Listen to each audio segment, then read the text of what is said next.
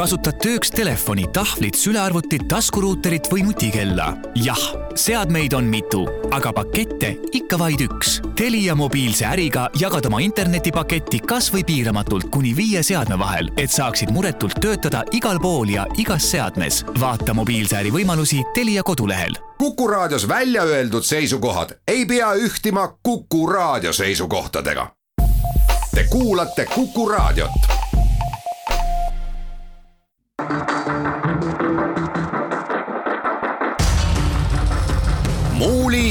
ja Aavik.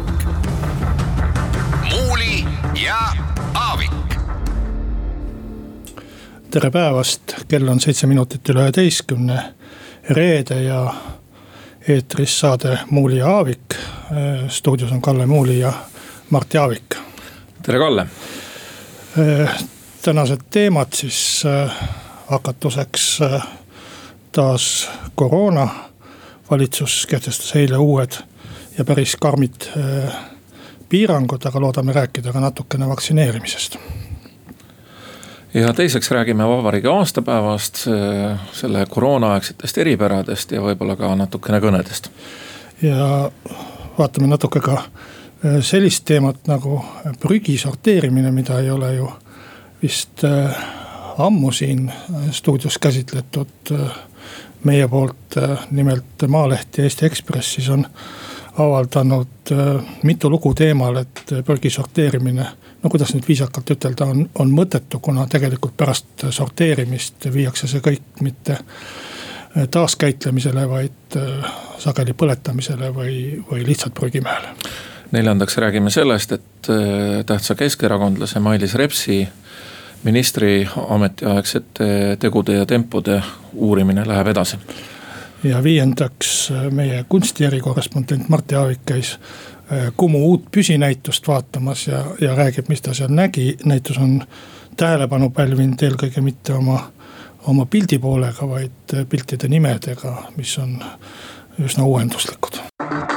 muuli ja Aavik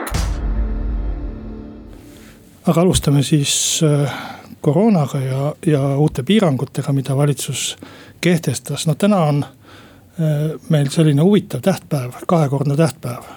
esiteks äh, kuu aega saab Kaja Kallase valitsusel ametis olnud, oldud ja teiseks aasta saab päevast, mil Eestis tuvastati või avastati esimene koroonahaige millal see nüüd äh, täpselt oli, kahekümne viiendal, kuuendal või seitsmendal, igatahes kahekümne seitsmendal. Äh, sotsiaalminister Tanel Kiik siis teatas, et on leitud äh, selline inimene, kes kannab viirust.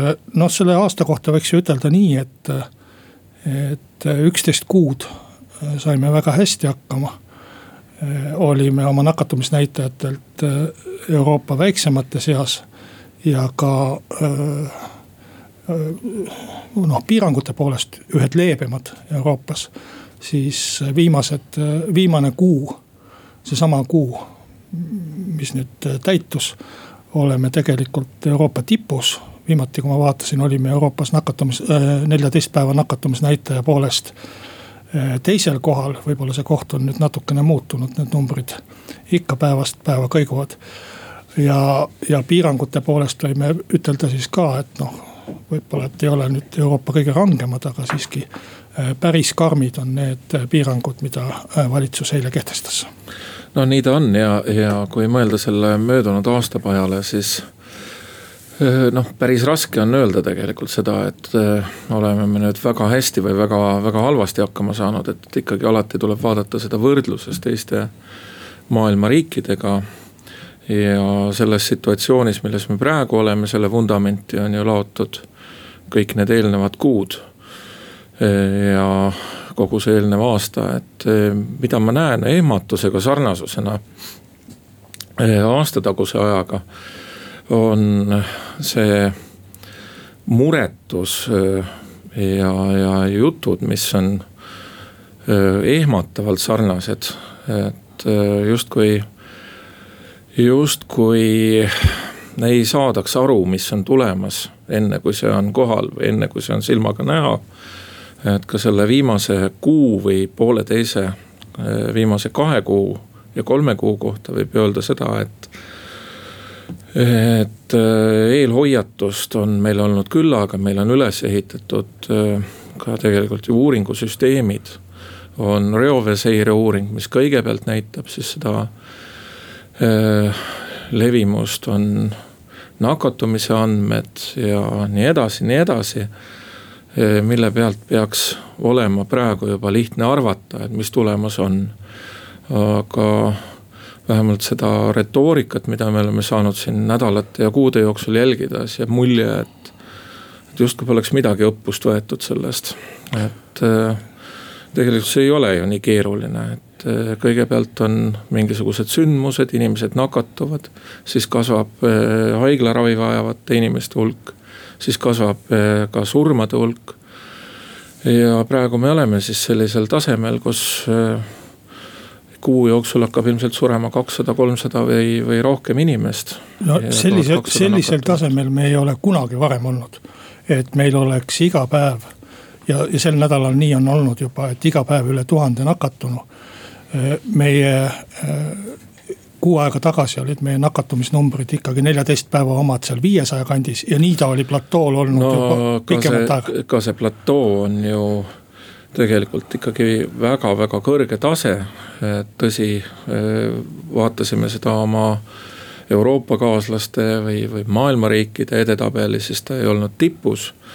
aga praegu on ka maailma arvestuses vähemalt selle Our World in Data andmebaasi järgi Eesti vist riikide arvestuses neljandal kohal.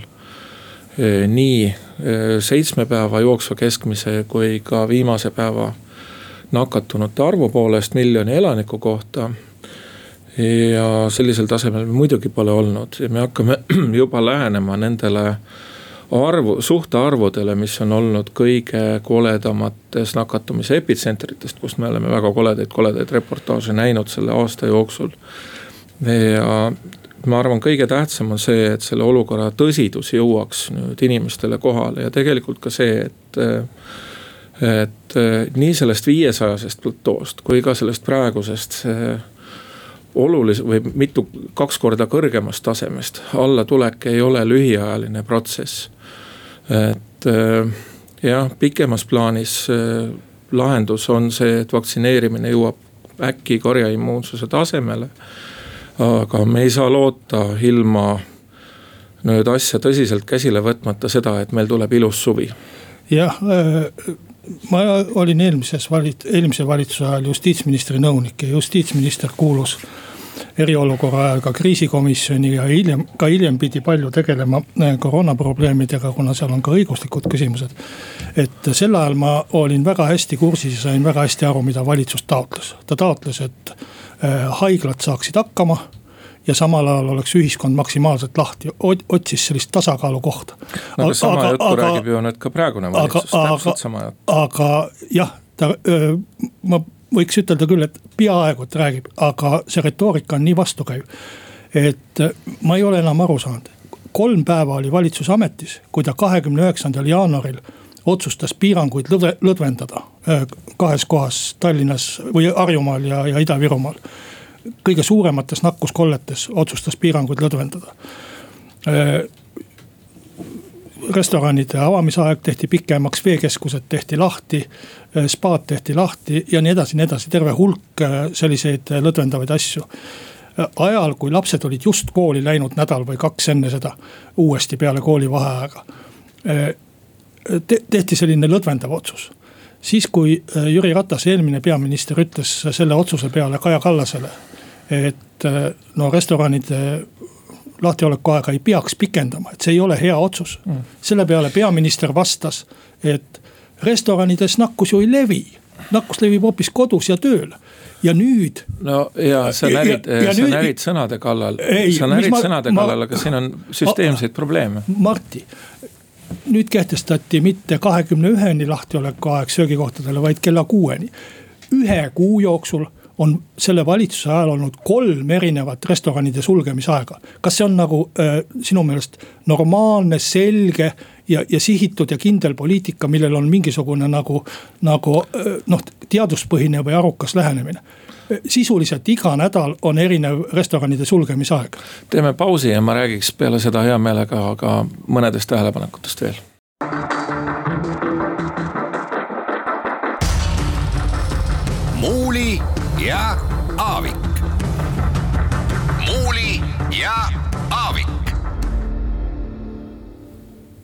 Tere taas, rääkisid Kalle pikalt sellest, kuidas viimase kuu ajaga on läinud asi käest ja ja arvud ju meile seda näitavad, aga mul on mõned tähelepanekud, mis on just nimelt eelmise valitsuse ajaloolise taaga. see ei ole isegi etteheide, aga, aga see lihtsalt nii on. Selle protsessi juhtimise taak ja üks neist on see, et kui meenutada kasvõi seda eriolukorra kehtestamist, siis vähemalt nii palju, kui ma ajalehtedest kirjutatust aru sain eriolukorda hakati kohe algusest peale juhtima kolmepealise lohena, sellepärast et koalitsiooni osapooled ei saanud omavahel kokkuleppele, kes on eriolukorra juht. ja see kestis ju läbi selle eelneva aasta, et valitsus kollektiivselt alati kõiki piiranguid ja tegevusi eh, arutas ja seesama toimimismudel on nüüd üle võetud sellesse uude valitsusse. ma ei ole sugugi kindel, et sellise tervisekriisi juhtimine niisugusel äh, kolme või siis nüüd kahepealise lohena ilma selge vastutajata on kõige mõistlikum viis. Äh, teine asi, mis silma paistab äh, kõrvaltvaatajale ja, ja kostub, on see, et eelmine valitsus ja praegune valitsus on saanud teaduslikku nõu ka pea ainuliselt ühe isiku vahenduse kaudu, kellel on oma Äh, vaade sellele äh, koroona juhtimise protsessile ja, ja üsna niisugune tegnellilik, äh, rootsilik liin olnud. ja ma ei ole päris kindel, kas valitsused on saanud teadusnõukoja eelhoiatust sellisel viisil ja sellise tõsidusega, nagu olustik meile näitab või, või teadusnõukoja kõik liikmed on oma meelsust väljendanud, nii et siit võiks tegelikult teha mõned järeldused, et, et kui te katsuksite leida, hea valitsus, sellele protsessile ühe vastutaja, mõned mõtted, et, et on ta siis sotsiaalministeeriumi asekantsler, kelle käest saab ka avalikkus ja valitsus ise küsida, et mis on tulemus ja teine asi on see, et äh, kui te kuulate teadusnõu, no katsuge kuulata siis mitmest häälest, et nüüd me oleme juba avalikkuse ees näinud, kuidas äh, professor Andres Merits äh, võtab sõna, viimati ka millegipärast riigikogu eelarve kontrolli komisjon korraldas ühe koroonateemalise kuulamise, sinna oli kutsutud professor Merits. Et oluline on ju saada info kätte sellest, mis on reaalne olukord selle viiruse toimimise rindel ja mitte tingimata juba ette sellist juba püütud poliitiliselt tasakaalustatud sõnumit, et. Eh, et viroloogidelt me tahaks teada viiruse kohta, aga mitte seda, et, eh, et mis on noh, koolide lahtihoidmise väärtus näiteks. no minu meelest ei saa vastutama panna ametnikku ja minu meelest ei saa vastutama panna teadusnõukogu ei juhti ega ühtegi liiget et see peab ikkagi olema selgelt poliitiline vastutus. vastutama ei saa panna, äh, vastutama saab panna sellesama poliitilise valitsuse ees, aga midagi on selles juhtimisskeemis, mis on eelmisest valitsusest üle kandunud. on äh, nihu ja ma ei ole kindel, et need valitsused on saanud äh, õigel ajal ka selle info ja olukorra tõsidusest aru? ma arvan, et selle olukorra eest vastutab alati peaminister, vastutas eelmises valitsuses, vastutas selles valitsuses. aga see praegune olukord, ma arvan, et ongi tinginud seda, et see, see otsustamine või vastutamine on kuidagi muutunud ebakindlaks ja käest ära libisemas äh, äh, valitsusel, et kui ma vaatan vaktsineerimist, mis on teine teema ja võib-olla isegi olu-, olulisem teema kui piirangud, sest see aitaks meid piirangutest võib-olla kiiremini välja tulla. Äh, siis vaktsineerimises on ju peaaegu et kõneisikuks või sellisteks tähtsamate lausete ütlejaks saanud asekantsler, sotsiaalministeeriumi asekantsler Maris Jesse. ja ta on minu kõrvu ütelnud kaks sellist lauset, mis minu meelest on täiesti vallandamisväärsed laused. esimene oli äh, üks nädal või paar tagasi, kui ta teatas, et sellest pole midagi, kui vaktsiin üks nädal äh, AstraZeneca äh, meil külmkapis seisab. ja teine oli nüüd vist lõppevast nädalast, kui ta teatas, et nädala, nädalavahetusel vaktsiini-, vaktsineerimine pole eesmärk omaette mis, millega taheti lihtsalt ütelda, et ega me ei viitsi nädalavahetusel vaktsineerida küll. kujutad ette, ma jagan kiiresti kaks nädalavahetuse päeva seitsme nädalapäevaga ja saan tulemuseks et, et kakskümmend üheksa protsenti ajast ei vaktsineerita ehk meil kolmandik äh, vaktsineerimisajast läheb tegelikult äh, kaduma, äh, mida me võiksime kasutada ja, ja ehk kolmandik vaktsineeridest, vaktsiinidest siis oleks võinud juba inimestes lisame, lisame veel puhtpraktilised asjaolud, et tõepoolest, kui oleks natukene ette mõeldud ja leitud veidi lisaraha selleks, et maksta inimestele selle eest, et nad seda vaktsineerimist nädalavahetusel teeksid oleks eh, pereinimestel oma eh, vanemaid sugulasi kergem aidata sinna vaktsineerimisele, võib-olla oleks see kohaletulek eh, kergem ja nii edasi ja nii edasi. et see mõtteviis nagu niisugune lodev mõtteviis lonkab õige mitut-mitut jalga, sellega ma olen nõus. see on ametniku mõtteviis, et meil on viiepäevane töönädal ja, ja kell kaheksa alustame või kell üheksa alustame, kell viis lõpetame mina oma, olen oma elus teinud aastaid kuus päeva nädalas tööd ja sugugi mitte mingi kriisi pärast, vaid töö oli selline. et nüüd kriisi ajal pingutada kolm kuud või kuus kuud ja, ja, ja maksta inimestele natuke rohkem ja et nad töötaksid pisut rohkem, kui ametniku tööpäev ette näeb. korraldada mingite vahetustega tööd et see, see kõik on ju ettevõtmise asi ja, ja kättevõtmise asi, aga, aga ka muu korralduslik pool. ma vaatan, et meditsiinitöötajad on pandud helistama Äh, võimalikke vaktsineeritavaid või patsiente läbi no taevas alasta, kas meil siis nagu telefonimüüjaid või, või inimesi, kes telefoniga helistada oskavad? no ei ole sellist ärilist mõtlemist, et eh, leiaks kõige odavama, kohasema ressursi selle jaoks. rääkimata sellest, et võiks olla ka mingisugune e-registratuur. Eh, hüva, võib-olla üheksakümne aastased eh, vanurid kõik ei registreeri ennast arvuti ja mobiil-ID-ga või Smart-ID-ga. aga, aga mingi osa ju paneks ennast kirja ja, ja sellega me säästaksime ju aega. et arst, kes on vaktsineerimistunnistusega, kes, kes võiks tegelikult teha mingit kvalifitseeritud tööd, ei peaks ajama äh, taevas alasta inimesi mööda linna taga. Äh, selles vaktsineerimise korralduses on kindlasti palju kritiseerimisväärset, aga ma arvan, kõlama peaks jääma see hoiatav sõnum, et. et vaktsineerimine pikas plaanis on meie kaitse ja väljatulek sellest äh, kriisist, aga me ei saa arvata et see juhtub väga kiiresti, kui me vaatame otsa neile arvudele, mis meil praegu on. noh, aga äh, vaktsineerimine on aidanud juba meditsiiniasutusi, haiglaid äh, ikkagi kui varem oli äh, sõna otseses mõttes äh, arstide põud ja arstide puudus, sellepärast et kõik pidid minema isolatsiooni või, või äh, haigestusid, siis ikkagi see, et meil on meditsiinitöötajad õnnestunud enam-vähem mingites piirides ära vaktsineerida, sellest on äh, kindlasti selleks palju abi olnud ja samamoodi. meil oleks äh, noh, kõige traagilisem on ju praegu koolide sulgemine. ma ütlesin eelmises saates, et viiest päevast ei ole midagi, aga nüüd on äh, kuuks ajaks kinni pandud koolid. et ka seal, kui see kool lahti läheks, et oleks õpetajatel võimalik nagu töötada ilma hirmuta. aga teeme siin uudiste ja reklaamipausi, jätkame teisel poolel tunnil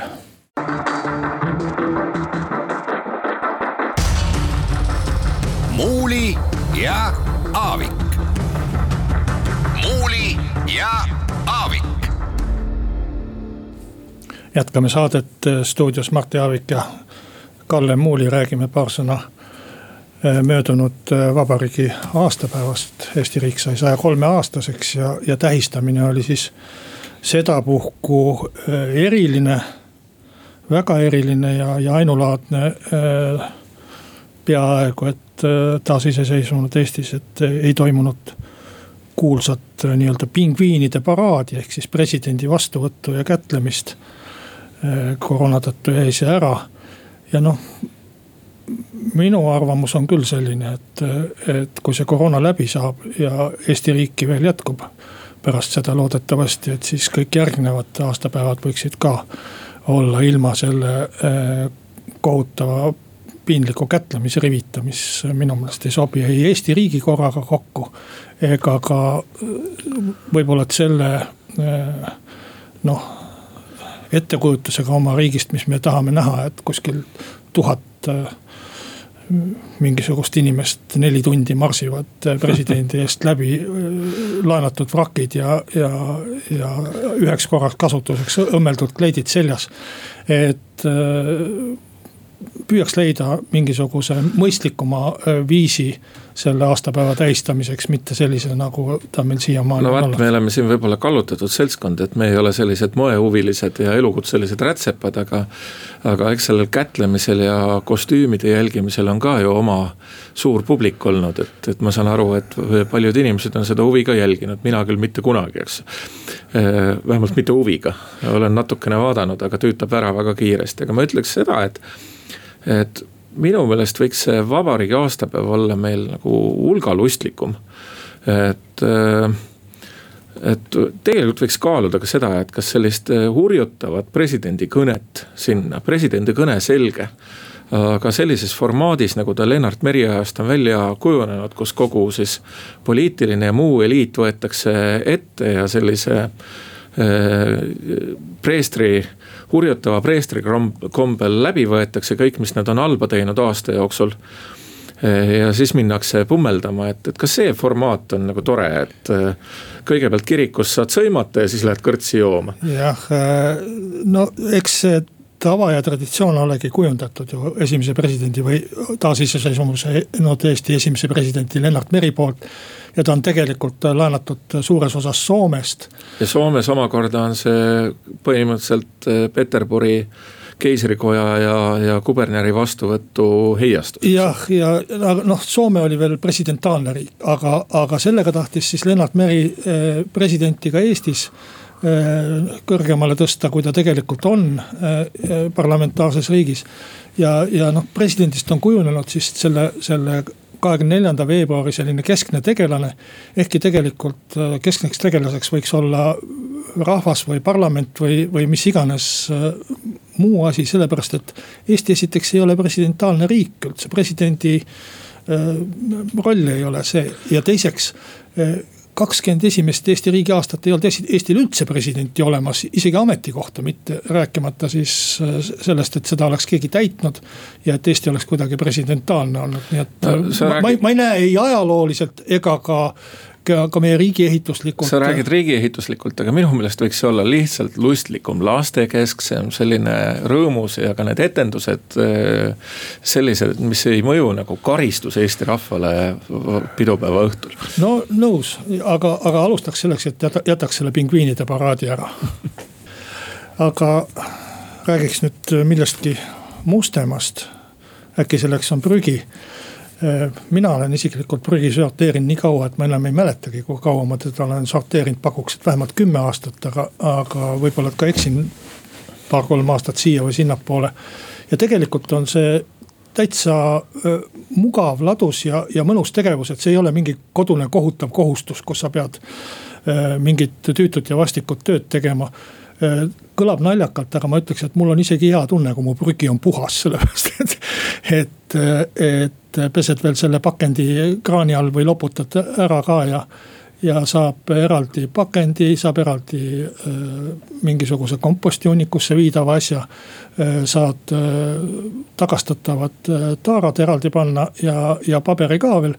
ja, ja nüüd ma siis loen Eesti Ekspressist ja Maalehest, et äh, kuskil siis äh, kallatakse need kõik kokku, viiakse kas Iru jäätmejaama põletamisele Äh, või siis äh, jäetakse lihtsalt prügi, prügimäel seisma ja, ja kõik, keegi teenib selle pealt veel raha, valetab Eesti riigile. et võetakse taaskasutusse, tehakse sellest midagi kasulikku, mida ma olen ära sorteerinud ja, ja Eesti riik no, valetab siis omakorda Euroopa Liidule, et me taaskasutame tohutul hulgal pakendit. Et äh, mul on tunne, et järgmised kümme aastat ma ei sorteeri seda prügi. No äh, ja, et mina, mina vaatan neid pilte ja räägitakse, et kõik viiakse põletamisse ja siis äh, esimene kaader on sellest äh, klaaspakendi konteinerist, et no äkki klaasi ei püüta energiaks põletada ja äkki on mingisugused metallid, mille sorteerimisel on mõtet ja äkki on siiski sellel ka mõtet, et sa kodus komposteerid oma toidujäätmeid, mitte ei saada neid prügisse ja nii edasi ja nii edasi. ja mina ütleks selle peale seda, et vot ega see Eesti suured koristuspäevad, mis on nüüd ülemaailmseks muutunud, olid ikkagi toredad, kuigi siin oli tõrkeid ja kuskilt Tartu lähedal olid suured mäed, mida lepingupartnerid ära ei vedanud ja mis nüüdseks on lõpuks äh, mis on nüüd, nüüdseks lõpuks, lõpuks ära lahendatud, aga, aga see taotlus on ju lõppeks õige. ja noh, lahendused peavad olema süsteemsed, et ma arvan, see pandipakendisüsteem on meil üldjoontes siiamaani toiminud hästi, et äh, oskan võrrelda kasvõi pildiga Läti, Leedu ja Poola metsadest. seda, mida me Eestis näeme või meenutada, kuidas oli meil kakskümmend aastat tagasi, kasvõi koduses kloostrimetsas noh pildi erinevus on suur. et ma niisugust sõnumit küll ei tahaks välja anda, et pole üldse mõtet tegeleda, aga, aga, aga see demotiveerivalt mõjub muidugi tegelikult on mu meelest kaks suurt probleemi, üks äh, on see, et selle pakendiga ei olegi tegelikult midagi teha. Äh, seda, kui, kui kuskil tehas asub Lätis või Poolas siis sinna vedamine on juba omaette nagu keskkonnareostus äh, tõenäoliselt. kui kasutada autotransporti vähemalt, äh, kuni meil Rail Balticut ei ole. aga teine ja suurem probleem äh, minu meelest on see, et tehti küll mingi süsteem, et sorteerime selle pakendi ära ja, ja loodeti, et kuskil taaskasutatakse seda või, või vähemalt kasutatakse mingiks asjaks, kasvõi ma ei tea tõesti betoonplokkide tegemiseks, äh, nii nagu väidetavalt, ma ei tea, klaastaaraplist äh, äh, valetatakse kasutatavat. aga mingit sellist väga tõhusat kontrollisüsteemi ei tehtud, kontrollimine on muidugi kallis, see nõuab inimesi, palkasid ja, ja, ja mis iganes.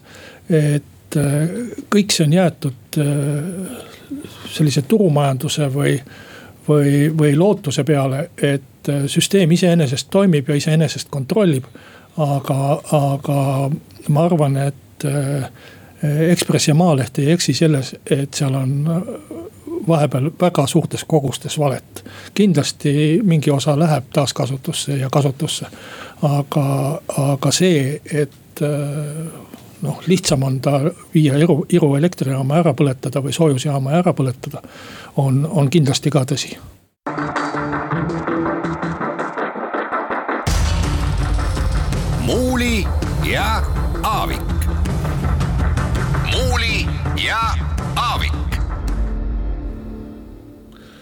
Keskerakonna üks juhtivaid jõude ja endine haridusminister Mailis Reps on äh, tõsi, tagasi astunud mõni kuu tagasi. sellepärast, et Õhtuleht tõi välja, äh, kuidas tal oli eraldi autojuht palgal selleks, et tema lapsi vedada. ja nüüd on siis riburada pidi välja tulnud äh, veel asjaolusid, et mis on sealt ministeeriumist liikuma läinud, kardetavasti kellegi kodu poole ja milliseid arveid makstud ministeeriumi arvelt, mida ei oleks pidanud maksma või mis iga neutraalse kõrvaltvaataja meelest on ikka inimese erakulu. ja üks võib-olla läbi selle mitme kuu on nüüd Keskerakond püüdnud jätta muljet, et tegemist on tohutu sellise töö ja eraelu ühitamise probleemiga ja meil tuleb olla mõistev ja. rääkida sellest, et mismoodi ministritel ja teistel poliitikutel peaks olema siis riigi arvelt ikkagi laste hoidmine ja muu korraldatud, et nad saaksid oma tööd teha aga probleem on ju, tuleb välja, et hoopis lihtlabasem. noh, see, millest sa räägid, mis on lihtlabasem, on, on tegelikult kriminaalasi, mis on siis algatatud, algul uuriti väärteo korras neid juhtumeid, nüüd on siis selgunud, et Mailis Repsile on esitatud ka kahtlustus omastamises aga see ei puuduta seda lastetransporti äh, autoga, et see lastetransport autoga oli juriidilises mõttes äh, äh, kõik korras. jokk, nagu kunagi nimetati, aga, aga võib ütelda, et minister tõesti kasutas ametiautot selleks, et et ta saaks tööd teha ja, ja sel ajal ei peaks laste järele minema ja, ja seal mingit sellist seaduse rikkumist vähemalt teadaolevalt ei ole, et see, millest nüüd kriminaalasja raames jutt käib, on hoopis muud asjad. kuna kriminaalasja materjalid on kinnised ja, ja seal võib olla ka muid asju, aga see, mis teada on, on siis ühe kohvimasina, ministeeriumi kohvimasina viimine koju ja kasutamine seal ja hoidmine, siis äh, ametiautoga puhkusereisil käimine äh,. üks äh, hotellis ööbimine perega Tartus ja, ja muud sellised äh, nipet-näpet äh, äh, asjad, mis võib-olla rahalises väärtuses ei ole äh, kuigi suured, aga moraalses väärtuses on ikkagi päris kummalised, et tegelikult äh, ma loodan, et äh, mingi kohvimasina eraelu äh, huvides ei kuulutata kohtuprotsessi, kui see kunagi tuleb kinniseks ja me saaks tegelikult kuulda ministeeriumi ametnike selgitusi. miks see asi niiviisi juhtus, sest äh, haridusministeeriumis on viis inimest siseauditi osakonnas tööl pluss veel kantslerid ja asjamehed, kes vastutavad selle eest, et ministeeriumi vara säiliks. Ja ma ei kujuta ette, et kuidas saab selline asi toimuda, et minister kas kasutab ametiautot nii nagu ta kasutas või, või äh, viib äh, hotelli äh, arve raamatupidamisse. keegi peab sinna peale kirjutama, välja maksta, see on keegi ametnik ma ei, ma ei arva ka, et Mailis Reps haaras selle kohvimasina isiklikult sülle ja tassis endale koju, et see pidi ju ka olema ikkagi ametnike poolt korraldatud iga mõistlik ametnik, isegi kui minister tahaks sellise lolluse teha, ütleks ministrile, et kuule, ärme nii tee, et siit tuleb suur jama. ma ei tea, kas Mailis Repsile öeldi seda ja ta äh, ignoreeris siis ma saaksin sellest asjast veel kuidagi aru. või tõesti olid ametnikud nii arad, et ei julgenud ütelda, et kuule, me ei saa nii teha proovime selle kohvimasina kuidagi no, ikkagi sinu raha eest osta. et, et süvariik järelikult ei toiminud.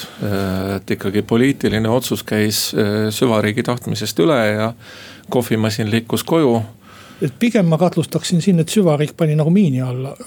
Noh, kui, kui jätka, jätkata sinu nagu sellisest, sellises toonis, et. Eh, ei kujuta ette, kuidas, ma olen ise kahes ministeeriumis töötanud, aga, aga kui sa hakkad seal ministeeriumis midagi kogemata valesti tegema, siis sulle öeldakse, et see on vale, et nii ei saa, et juriidiliselt, ma ei tea, raamatupidamuslikult, mis iganes, seadused on sellised ja peame tegema nii no nii palju, kui ma olen lugenud, siis jutt on kohvimasinast, mis maksab tuhandeid eurosid. et kas sa arvad, et sellised kohvimasinad liiguvad kuskile kogemata või või ei saa aru, et millega on tegemist, et no puht inimlikult ju võiks olla mingi ettekujutus, et kui on keerukas seade ja oled poes näinud, et, et ka palju lihtsamad maksavad eh, sadu eurosid.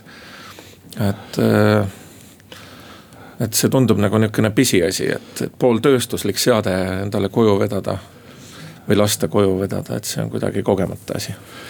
jah, et eh, jääme siis huviga ootama seda seda kohtuprotsessi ja lootma, et me saame sealt ka mingisuguseid äh, selgitusi, no kui asi üldse kohtuni jõuab, sellepärast et ega kahtlustus ei tähenda veel. kuidas see moodne ütlemine oli, kahtlustus ei tähenda süüdistust ja süüdistust, süüdistus ei tähenda süüd. aga äh, räägime saate lõpuks kunstist, mida me ei ole teinud juba tükk aega. ma ei tea, kas selle teema sisuks on kunst või midagi muud, aga, aga sa käisid vaatamas äh, näitust, kus pildid on ümber ristitud ja sellest ümberristimisest äh, ka kindlasti räägime ja loomulikult see on ajend, et seda siin üldse rääkida, aga ma kõigepealt ütleks, et. et tasub oodata küll seda, et äh, see koroona saab mööda ja, ja, ja on võimalik minna kõigil jälle vabalt muuseumisse. Äh, Kumusse vaatama uut püsinäitust, sellepärast et üldmulje sellest uuest püsinäitusest on väga-väga huvitav, väga mitmekülgne, väga rohkelt on kasutatud kõiki moodsaid vahendeid, millega muuseumis siis lisaväärtust anda, nii et. et ma arvan, seal on eh, võimalik nii eh, kiirelt eh, läbi jalutada ja nautida ühte või teist teost mõne minuti jagu, kui ka pikalt-pikalt süveneda ja mitmeid päevi käia, nii et. et üldkokkuvõttes on tehtud üks väärt asi. Aga sinna muidugi sellise skandaalse kõrvalasjana on tehtud selline asi nagu üks väike nurgakene, erinevuste esteetika, kus siis külalisesineja Bart Pushaw on ette võtnud Eesti kunstnike pildid ja joonistused teistest rassidest ja rahvustest inimestest ja selle üldtoon on selline ma ütleks nagu üsna lapsik ja skemaatiline. seal jutustatakse seda, et näete, Eesti kunstnikud käisid välismaadel äh,. Läks viiralt ja joonistas Berberi tüdrukut, aga ei pööranud tähelepanu siis pöörati tähelepanu välistele erinevustele, aga mitte sellele, et, et tegemist on ka isiksustega ja inimestega ja. Ja räägiti meile siis äh, selle Bart Pushaw saate tekstis äh, midagi blackface'ist ja sellest, kuidas selline inimeste kujutamine on ikkagi osutunud koloniseeritud rahvastele solvavaks. ja samas ma vaatasin, et äh, seal on üks uus osa, kus Eesti oma nii Balti, Saksa kui ka Eesti portreekunst on pandud ühele suurele seinale maast laeni üles-alla.